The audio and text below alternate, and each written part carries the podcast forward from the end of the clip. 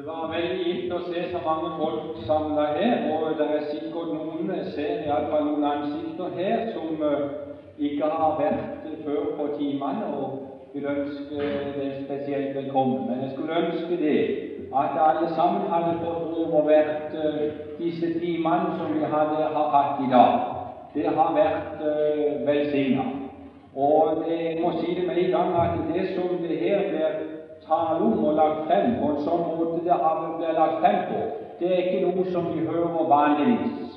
Og Derfor vil jeg henstille til den enkelte som har anledning en dag, eller øh, har anledning Jeg vil si du må kjøpe anledninga hvis det er vanskelig. Kjøp tida, og, og kom og hør og få med deg. Og du vet når vi trenger det. Og jeg skal si det, jeg tror det at flesteparten av oss kristne i dag vi lever på et sånn et begrensa område. Vi trenger å få mer lys over det Herren har gitt oss, så vårt liv kan bli mer til ære for Hans dyrebare navn, og der kan bli mer frigjørelse og lovprisning i vårt liv. Og det skjer ved forkynnelsen, ved at Herren får åpenbare seg for oss. Det som jeg tenkte på her i dag, det, det var i grunnen noe som kom for meg i går når Arnold talte. Så kom i grunnen dette for meg, og jeg vil bare få lov til å lese det.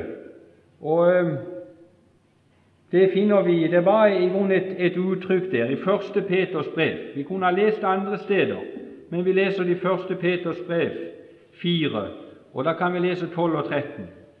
I elskede, undre eder ikke over den ild som kommer over eder til prøvelse, som om det hendte eder noe underlig, men i samme monn som I har del i Kristi lidelser, skal I glede eder, for at I også i Hans herlighets åpenbarelse kan glede eder med jubel.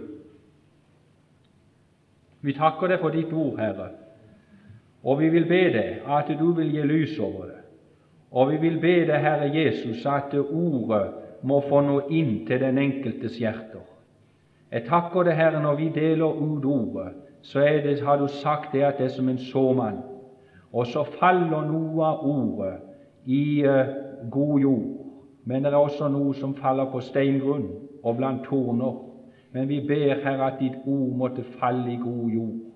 At det måtte lykkes at hjertene kunne åpnes, så det falt i god jord, og det kunne utrette det du hadde sendt det til. Vi priser det, Herre, for det at vi har det så rikelig blant oss. Takk at du er til stede i ditt ord. Ja, du er selv ord. Amen. Det er i grunnen ikke noe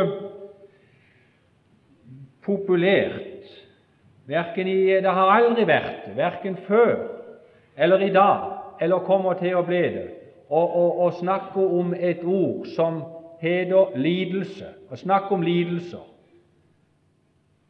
Men det er bare det at Skriften den taler om lidelser. Og vi kjenner til det at det er lidelser i denne verden. Og nå er det de som hevder det at eh, når du blir frelst, så blir du så lykkelig og glad. Og det er sant. Men det er bare det at når du blir frelst, så får du også oppleve noe annet som heter lidelser. Det er noe som henger i sammen. Glede og lidelse henger i sammen.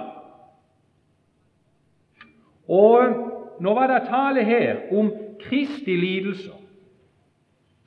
Når vi ser utover denne verden i dag. Eller vi kan si det sånn at denne verden er kalt en jammerdal. Det er en jammerdal, det er en tåredal. Arne Johansen nevnte det at han hadde vært med på en fødsel når det gjaldt uh, sitt barn. Og det doktoren gjorde, det var det at han ga uh, ungen et klaps i, i bagen så han skulle begynne å, å skrike så han skulle få opp luftveiene. Altså hvert eneste barn som blir født inn i denne verden, de blir født Det første de gjør, der er. Og det siste de gjør når de går ut av denne verden, der er. Kan vi si. Det begynner med gråt, og det slutter med gråt. Så denne verden er en jammerdal. Og når vi ser i dag utover denne verden, all den hav av lidelse og smerte og gråt så er det kolossalt. Og dere som har TV, og skru på TV-en og få se nyhetene og få se hele verden. Du får lidelsen inn i stua di. Jeg er klar over det at når vi får se det på sånn måte i dag, bombarderes på den måten, så blir mange ganger vårt sinn omtrent som en tiltråkka vei, så det skal liksom så mye til for oss å gripe og gripes. For du ser så mye at det skal så mye til at du gripes. Men før, når ikke du så så mye, når du hørte om ulykke og nød, så greip det det. Og jeg skal si deg det at det her i denne verden her er det kolossalt med lidelse. Og lidelsen i denne verden det har vært ei gåte for mange. Og det er mange som spør hvorfor så skal all den lidelsen være til. Men det må jeg bare få lov til å si med en gang at den lidelsen som en får oppleve her i denne verden, det er ikke Kristi lidelse, men det er en annen karakter av lidelse som alle mennesker får oppleve. Og når vi ser utover verden i dag, så får du oppleve oss å se krigens lidelse. Tenke på de mennesker som må lide på grunn av krigen. Tenke på de barna som blir igjen, og som roper etter mamma og pappa, og så er det ingen mamma og pappa. Og så får du oppleve oss å se de sitter der med armene avskutte. Og du får en lidelse. Det må være her i denne verden. Jeg glemmer aldri ei fortelling som jeg hørte det kom for meg nå her. Det var under eh, jeg tror det var eh, forrige verdenskrig. Så var det ei mor i eh, Amerika. Hun hadde en eneste sønn. Og så var hun den eneste, og så endte det med at denne sønnen han skulle ut i krigen. Han ble sendt ut. Og Han skrev regelmessig hjem til sin mor. Han var glad i mora si. Men så gikk det, så skjedde det at det der kom, så slutta det å komme brev. Det kom ikke noe mer brev hjem til mor. Og hun begynte å undre seg er det for noe som er hendt med sønnen. Er han død, eller lever han? Og så begynte den der veldige lidelsen og den spenningen må en tro mitt livssønn, om han lever eller om han er død. Og det endte med det at i tida den gikk, og det gikk nærmere et år, så kom det et brev igjen fra de militære myndigheter, og der sto det at deres sønn lever. Og så sto det det at han, han, han, er på det, han er der og der, på det og det sykehus. Det sto ikke noe om at sønnen at åssen det var med han, men det sto bare det at han lever. Og når mor fikk se dette telegrammet, så tente sovet igjen. 'Gutten min, han lever.' Og så skyndte hun seg av sted til det sykehuset, og hun kom frem. Og når hun kommer inn der til det sykehuset, så var det også oppgitt i telegrammet nummeret på, den, eh, på det rom som han lå på. Han tar telegrammet, og Hun tar telegrammet, og så går hun gjennom korridorene på dette store militærsykehuset og går bort der og ser på nummeret og går inn. Og Når hun kommer inn, så kommer hun inn i et stort rom. Hun venter å finne sykesenger, men det var ikke noen sykesenger. Hun går inn og går og ser. Ingen senger å se, men borti en krok, du, det får hun se det at det der står ei korv, og så er det en et skilt som henger over korva. Og Hun ser ikke så nøye på skiltet med en gang, men når hun kommer bort der, så, så, så, så sier hun det. Hun snur seg, og, og, og da kommer ei sykesøster inn, og så sier mor, 'Min sønn, og er min sønn hen? Jeg har fått oppgitt dette og dette nummeret på det rom som han skulle ligge, men her er ingen sønn.' Og da er det sykesøstera. Hun sier det at det er dette rommet her. Og jeg må be deg, sier hun, at du må gå bort der i den, den korva og se. Og da ser hun det at det står et lite skilt eller et skrift over senga, og så står det det at denne mann kan ikke se. Denne mann kan ikke tale. Denne mann kan ikke gå. Denne mann kan ikke røre hender. Og så kommer hun bort, og så bøyer hun seg ned. Og så skriker hun når hun ser dette, dette misfoster, eller restene av dette som var et menneske. Ikke bein igjen, ikke armer, ikke ører, ikke øyer. Taleorganene var skadd. Og så sier hun 'Er min sønn henne?' sier hun. Så sier sykesøstera det. Mens tårene kommer på hennes kinn, så sier hun 'Det er din sønn'. Hun rygger et skritt tilbake og tenker kan dette være min sønn? Men så skjer dette at idet hun, har, hun står der og, og, og, og betrakter han, så er det en tåre som kommer ned fra hennes kinn, og så drypper den rett ned på kinnet til den gutten, til det som var igjen av et menneske nede i vogga.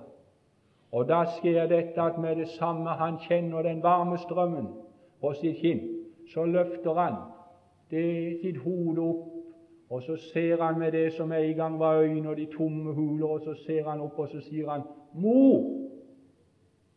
Det må være det, mor. For det er ingen i denne verden som bryr seg om meg lenger. Jeg ligger her, det er ingenting igjen av meg. Krigen har tatt alt. Det må være det, mor. Er det det, mor? Hvis det er det, mor, gi meg et bevis ved at du gir meg et kyss på kinn. Og så skjer dette at hun mor hun står der og så ser på han. Og så bøyer hun seg ned, og så tar hun sin livs sønn i fanget, og så trykker hun et kyss på hans kinn. Og da skjer det det, fortelles det, at disse to de talte i sammen på et språk som heter kjærlighetens språk. Gutten kunne ikke høre, men han forsto når mor talte. Han kjente mors armer, han kjente mors varme, og de talte sammen. Var det en eller to timer? Og like etterpå så rusla gutten over grensa. Jeg skal si dere er lidelser her i denne verden, venner. Og når vi tenker også på fattigdom, på sykdom og på elendighet, så kan du stille deg dette spørsmålet hvorfor? Hvorfor? Hvorfor skal det være all den lidelse? Og det er folk som sitter i salen her i dag som kjenner lidelse. Du kjenner på sykdom. Er ting som er vondt. Du har mista noen av dine kjære. Du kjenner på lidelse og smerte. Og så må jeg bare få lov til å si det at det er så mange som sier 'Hvorfor skal alt dette skje?' Hedningene de sier det at det er de onde ånders skyld at vi lider. Og hedningene de er slik at det er de onde ånders skyld, og derfor så krever de offer. Hørte nede fra Afrika om, eh, eller var det Australia? Der var det en som plutselig var død, og så sier medisinmannen det, at det er der må kreves offer. Der er det noen som har grepet inn og tatt en av våre kjære. Der må et offer til. Og det ender med det at eh, medisinmannen han går omkring i flokken, og så sier han det til ei ser ei kvinne som står med sitt nyfødte barn. Så går han bort og griper barnet, og så sier han der må, der må offer til. Og så tar han dette barnet og sliter det ut av mors fang. Og så legger han det ned i, i sanden, og så fyller han sand inn i munnen og inn i nese på dette barn, mens mor står og ser på at dette barn skal lide. Hedningene de sier det er de onde ånders skyld at det er lidelse. Og de moderne hedninger noen sier det at det er Guds skyld at vi må lide. Men jeg skal fortelle én ting at det er ikke Guds skyld. Det er ingen som lider verken sykdom eller noen som helst form for lidelse som skjer i denne verden. At det er Guds skyld. At det er Gud som, som legger lidelse inn på menneskene. Og det, det, det er heller ikke sånn som andre sier, at det, det er blindskjebnen som skjer det det er blindskjebne. Men Bibelen gir et svar. Hvorfor er all den lidelse? Første Mosebok 3, det er syndefallet. Det er på grunn av at synden er kommet inn i denne verden. Så har du lidelse, så har du krig, så har du fattigdom, så har du sykdom, så har du sorg, så har du nød, så har du død. Men nå skal du høre en ting. Noe som er så velsigna, det er det at disse lidelsene de rammer like med Guds folk som de ufrelste. Men det er bare det at det er en stor forskjell. For det at når en ufrelst lider, så lider han. Og så er det ingen, ingen mening i denne lidelsen. Men når en Guds barn lider, så kan Gud ta den lidelsen og den smerten du har, og så kan han få noe ut av det. Så kan han forme det midt igjennom alt dette. Det er det som er så forunderlig. Og et velsigna ord vi har i Esaias 43. Når du går igjennom vann, så er jeg med deg. Og når du går gjennom ild, så er jeg med deg. Den som er frelst, han får oppleve det at når du må gjennom lidelsen, så er det en som er med deg. Og så skal den som er frelst, også få oppleve en annen ting når det gjelder lidelsen. Så er det bare en gjennomgang. Når du går gjennom, så er jeg med deg. Det er ikke noe vi skal være bestandig, men det er en gjennomgang. Og når vi kommer gjennom lidelsen, så får vi oppleve herlighet. Derfor er det så velsigna godt for Guds folk at det er trøst, det er lys midt i lidelsen og trengselen. Å, forunderlig det! Og når Jesus er med i lidelsen, så kan han forandre lidelsen slik at det kan bli som en kildevann. Han kan forvandle lidelsen så midt i det at du ligger der. Jeg har fått oppleve å være inne hos mennesker som har ligget på sykeseng. Jeg glemmer det aldri når jeg var inne hos, hos bestemor til kona, som satt der så giktbrudden av leddgikt at hun kunne ikke snu seg i senga sjøl. De måtte ned og snu om natta. Og hun kunne ikke kle på seg sjøl, hun kunne ikke spise sjøl. Så gåen var hun av leddgikt. Alle lem var så å si stive.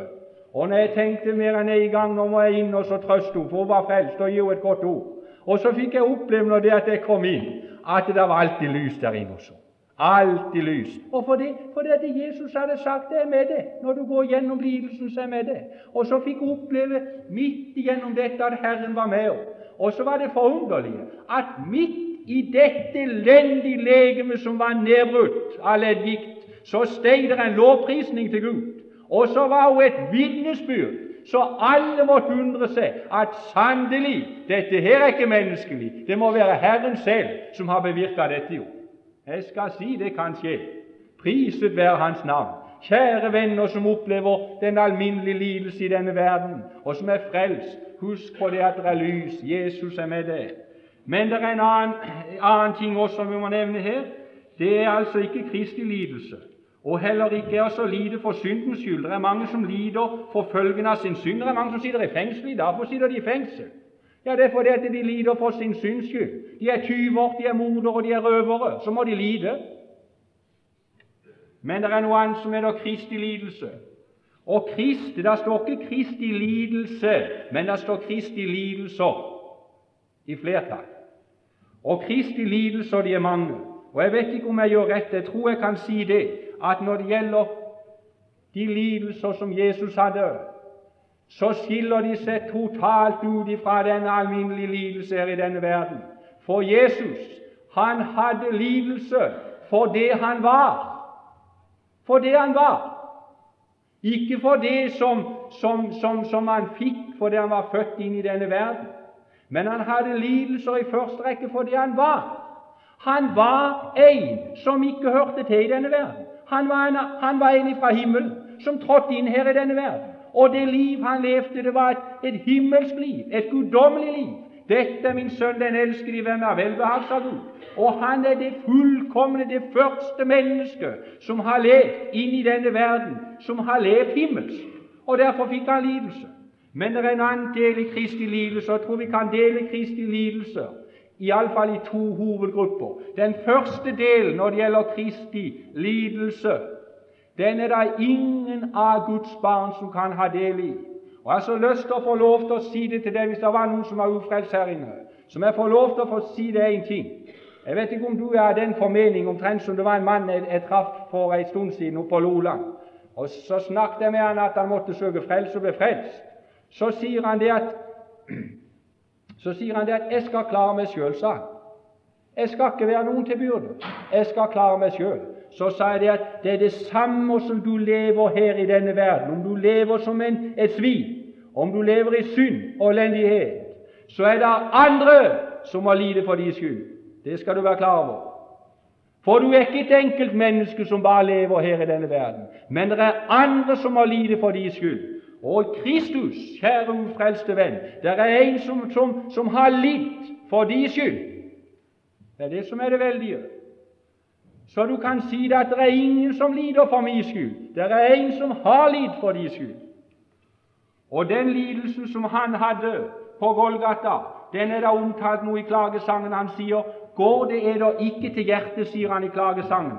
Alle dere som går forbi på vei, som går forbi på veien, Sku om det finnes en smerte lik den smerte som er voldt meg, den som Herren har bedrøvet meg med på sin brennende vredes dag.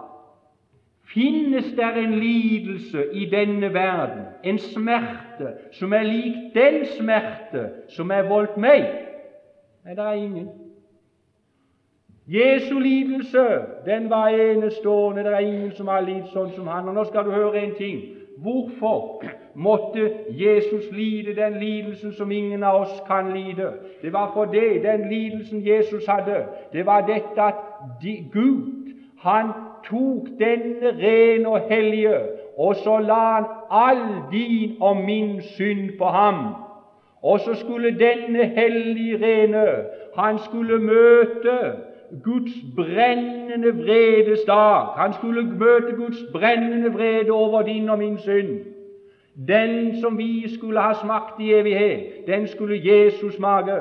Og Derfor var den lidelse som han hadde når Gud lot vårs alles misgjerninger ramme han, den lidelsen er så veldig at det er ingen som har hatt en slik smerte som han.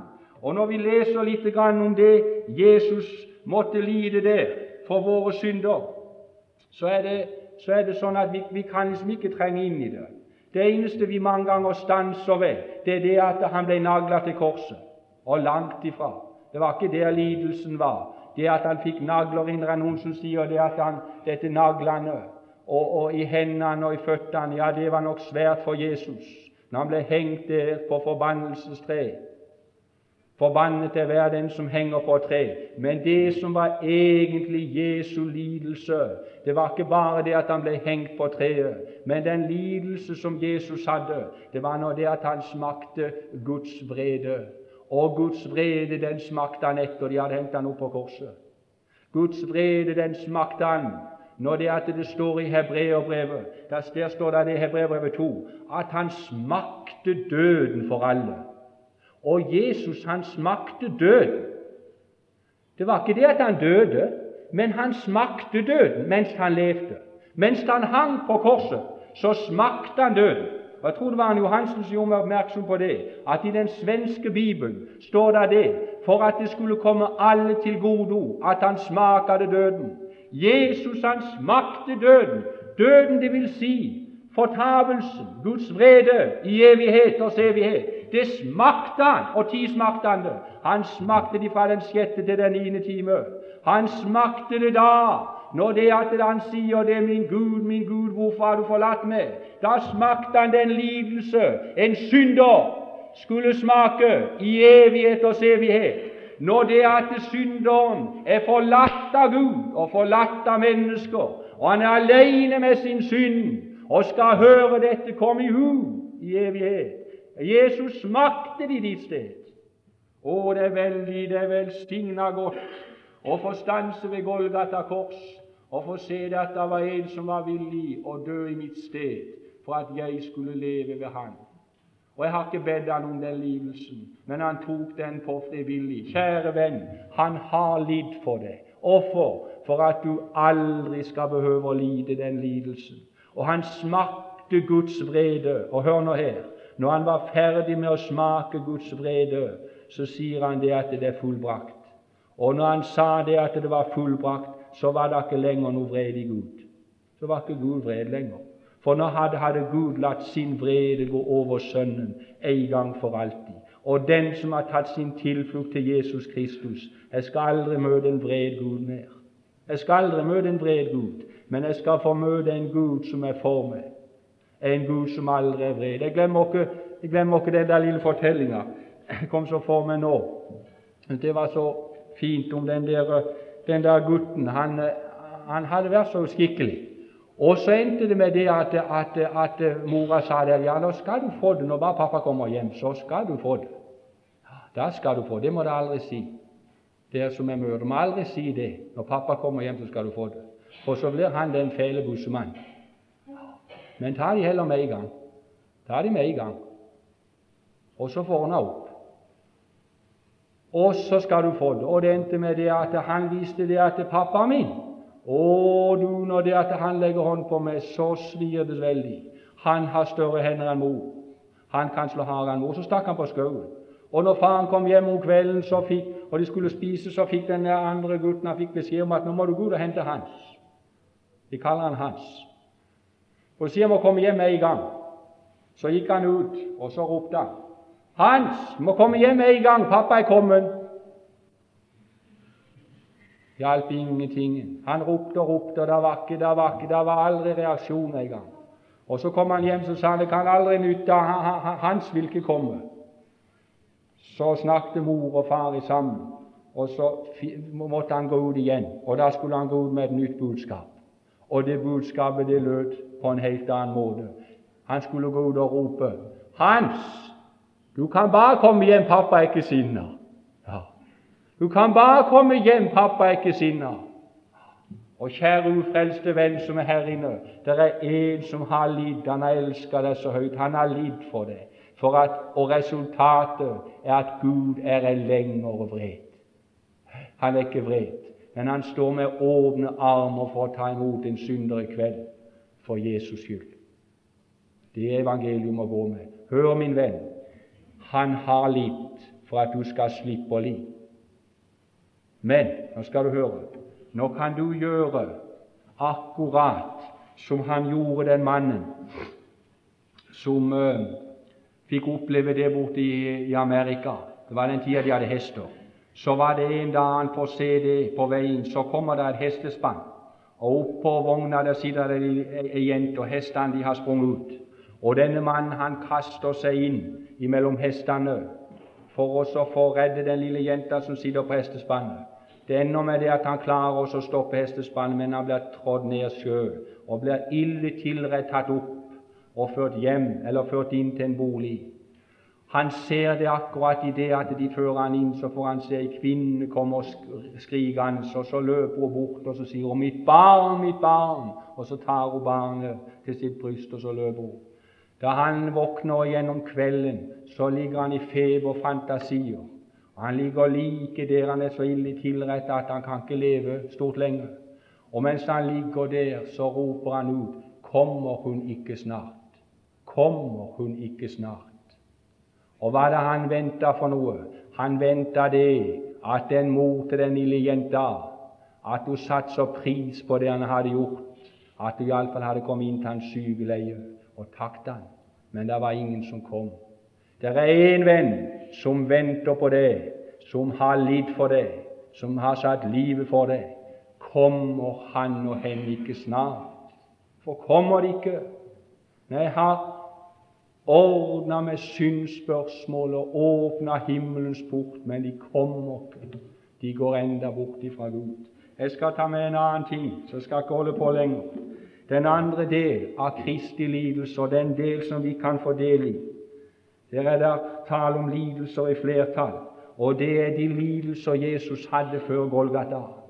De lidelser kan vi ha del i. De lidelser vi får del i det automatisk. I det øyeblikket en sjel går over fra døden til livet, så blir du en, en lysets barn og dagens barn. Da blir du en annen person. Og med en gang det at du blir en, en annen person, så kommer du i et annet forhold til denne verden. Og så får du lidelse, og så får du motstand. Da får du motstand her inne. Du kjenner lidelse, det, det å oppleve trykk, det er å oppleve motstand og kamp. Og da får du oppleve med en gang motstand. Da det koster noe å bekjenne Jesu navn. Og du får kjenne lidelse på grunn av, synden som bor i deg. Og du verden hvor mange om jeg har kjempa med denne her gamle Adam her, og synden som bor i meg, og mange ganger han har grått. Å, han har kjent noe av dette. Det er lidelse. Hvorfor har den lidelsen? Er fordi det er frelst. Fordi det hører ikke hjemme i kjødet. Nei, kjødet hører ikke hjemme hos meg. Derfor er, er, er dette et fremmedelement. Og derfor er ikke dette mitt sted men jeg er lysets barn og dagens barn. Og så opplever du her i denne verden at du er ikke tilfreds. Etter hvert som verden mørkner til, så blir det lidelse. Det blir lidelse når det gjelder styring og føring av denne verden. Det er lidelse og kamp. Og skal jeg si deg en ting at jo mer du får av Kristi sinn, jo mer lidelse får du. Jo mer du får av Han, jo mer Han preger og danner deg, jo mer smerte får du. Jo mer kunnskap og mer lys du får i Guds ord, jo mer lidelse får du. For det der er megen kunnskap, er det megen remmelse, står det. Skal si det følges av.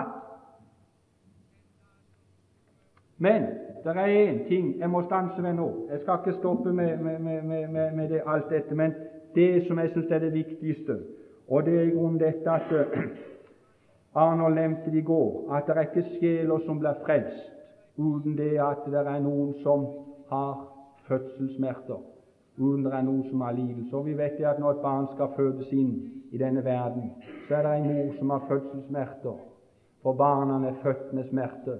Og jeg skal si deg det at når det er vekkelsen av sjeler som skal frelses, så har det alltid foregått en lidelse. Det er det det har.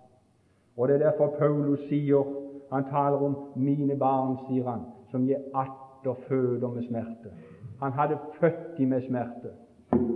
Og når vi kommer inn på den sida her, så skal jeg si deg det at når det gjelder den fødselssmerte, i den grad at, Christ, at du eier Kristi sinn, at du eier Hans kjærlighet, så vil det også være noe av lidelse og smerte over de mange som ikke er frelst. Paulus han sier det i uh, Romerbrevet 9. Der sier han 'mitt hjertes ønske og min bønn til Gud for dem, det er at de må bli frelst'. Og jeg vil ønske at jeg selv var forbannet borte fra Kristus, for mine frender og mine brødre etter kjødet. Og at de måtte vinne Kristus. Han kjente noe av den smerten. Å, venner, kjenner vi noe av den smerten? Det hendte det der står det også om, om, om Jesus når det gjaldt de lidelsene han hadde før korset. Det kunne stanse ved mange ting, men der står bl.a. det når han kom og så utover byen, og så Jerusalem lå der, den fine staden. Så han ser utover denne byen, og de, det myldrer av mennesker.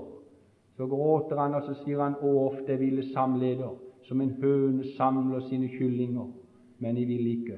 Det står når han kom nær til byen så gråt han. Er du kommet nær?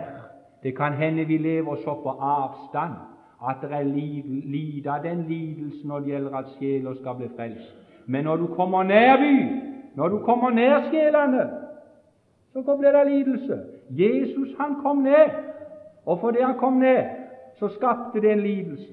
Jeg tror vi lever så på avstand, både fra Han og hverandre, at det er så lite av dette. Men det er noen som har lidelse. Og jeg vet iallfall det at når det gjelder mor og far, som Arnold også stanser på, så kan det godt hende det sitter noen inne i denne forsamling nå som har ei mamma og pappa som har lidd for det. Som har lidd for det. For det vet jeg iallfall. Jeg tenker på de barna jeg har. Jeg har tre barn. Og er det noen jeg elsker i denne verden, så er det de tre barna. Og det verste som ville hende ja, det verste som ville hende, det hvis det at gutten og jenta mi skulle gå bort fra Jesus. Jeg vil heller se de dø. Jeg vil heller se de dø og vekke enn at, skulle, at de skulle bli bort fra Jesus. Men så er det mor og far som sitter her inne. Du har gutten og, de, og jenta di vekk fra Jesus. Å, det må være svært. Med det lys det du har. For de barna det er liksom de er vi, er vi trådt ekstra nær når det gjelder barna våre. Oppe i ei av bygdene like i nærheten så var det ei, ei, eh, ei mor. Hun var enke. Hun hadde to gutter. Hun hadde kjempearbeid for dem. Kolossalt. Det endte med at guttene de dro over til Amerika. Og så var de der borte, og de ga ikke noe livstegn fra seg. Men da det at mor døde, så kom vi hjem, og så skulle de hjem og dele arven, ordne opp etter seg. Og det var ei underlig stund. De kom hjem der, og, og det endte med det at de skulle bli enige om at de skulle fikse opp på huset. Og så skulle de uh, rive ned inne og fikse opp. Og så begynte de å rive opp på gulvene. Den ene gutten skulle rive gulvene, og den andre skulle rive noe ute. Det gikk ei stund, så kom den ene gutten som hadde begynt å rive på gulvene, så kom han ut til bror sin. Og Så sa han det at 'nå greier dere enda mer', sa han. 'Jeg kan ikke rive opp et bord til'. 'Hva er det for noe som er galt?' sa, sa broren. 'Ja, kom inn, skal du se.' Og så gikk de inn. Og når de kom inn, så stanser han foran et bord borti kroken, og der var det to merker. Der var to groper. Så sier han der har mor ligget. Der har hun ligget og bedt for oss at vi må bli frelst. Jeg greier ikke mer, sa han. Og det endte med det at der, på det samme bord der mor hadde bøyd kne, der bøyde den ene gutten seg, og der bøyde den andre gutten seg. De klarte det ikke lenger. For det var noen som hadde litt, og som hadde kjempa for dem, at de måtte bli frelst. Ufrelste venn som måtte være her inne. Skal din mor, skal din far fortsatt kjenne lidelse?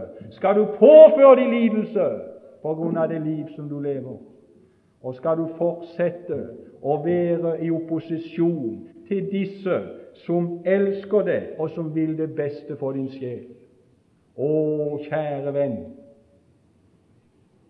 kjære venn, stans opp. Det er noen som lider for deg, for at du skal bli frelst. Og så skal jeg slutte. Er det noe resultat av denne lidelse for Guds barn som har gått inn i den lidelse frivillig, og som har tatt dette på seg? Er det noe resultat? Ja, der sto det at når vi hadde del i Kristi lidelse, så, så skulle vi glede eder.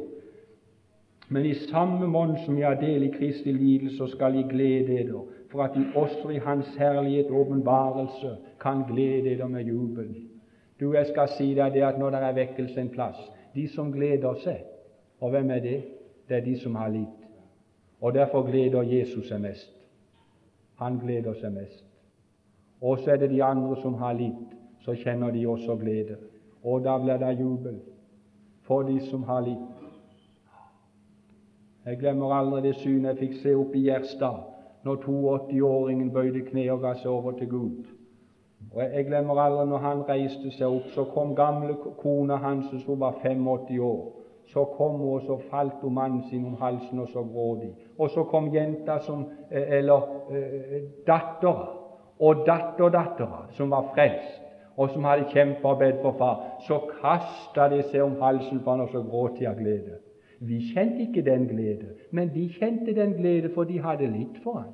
Og tenk du, når, vi, når de en dag kommer hjem i herlighet, så er det en glede som venter, og det er de som har litt, hatt del i Kristi lidelser. De skal også i herlighet oppleve gleden, for lidelsen har ikke vært forgjeves. Kristi lidelser, de eh, gir resultat. Det er seden. Det, det, det, det gir resultat for tid og evighet. Det står om Jesus for den glede som ventet han. Så led han tålmodig korset uten akte vanære. Kristi lidelser. Jeg skulle ønske det at vi fikk oppleve det igjen, at det kunne gå et vekkelsesdrag over byer og bygder, og det kunne være sjeler som begynte å anrope Gud om, om ja, virkelig om frelse for de av sine som ikke var frelst. At det ble gammeldagse bønnemøter på kne med gråt til Gud skal si da er vi så fint og flott. Kirkene er bygd så fine mange plasser de kan aldri ha bønnemøter engang. Fordi at benkene er så høye, og så passer de ikke med bønnemøter. Og så er teppene sånn at det er så vondt å bøye kne. Å nei, du førbøyer de kne på de harde gulvene, og så ropte de 'Du må frelse bygda! Du må frelse den og den!' Skjedde det noe? Ja, det skjedde noe. Amen. Ja, vi skal